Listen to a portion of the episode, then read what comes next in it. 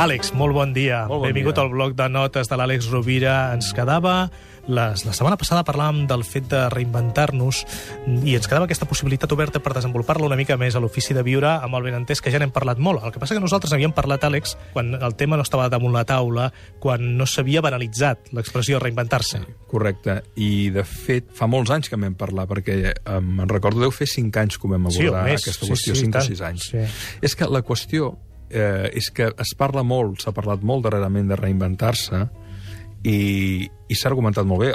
L'amic Mario Alonso Puig eh, crec que toca amb molt criteri algunes qüestions relacionades amb aquest concepte, però la qüestió és que no és tan fàcil reinventar-se. És a dir, i sobretot quan estàs en un entorn de crisi molt complicat i et quedes sense feina, un no es pot reinventar de vegades en una setmana o en dos mesos o en tres mesos, perquè aquest reinventar-se implica probablement un canvi de mirades, d'habilitats, eh, un canvi d'hàbits.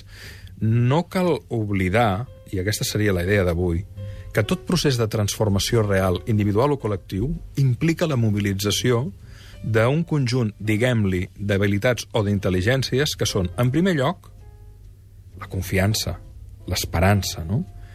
Però després vindria la intel·ligència emocional i social, és a dir, l'actitud, el voler. Després vindria una manera diferent de, de, de, de, pensar, de raonar, és a dir, el saber, la intel·ligència lògico-racional.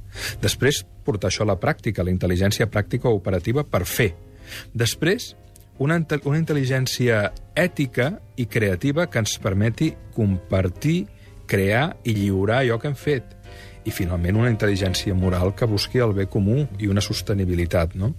Aleshores, una, una reinvenció implica un canvi d'actituds, un canvi de, de la manera de pensar o una incorporació de noves eh, coneixements, un canvi en els hàbits de fer i un canvi en els hàbits de crear i d'interactuar. I això suposa temps, inversió i, i, i, un, gran, i un gran treball darrere. No? Ens deia l'Àlex Rovira en començar que s'ha banalitzat l'expressió reinventar-se.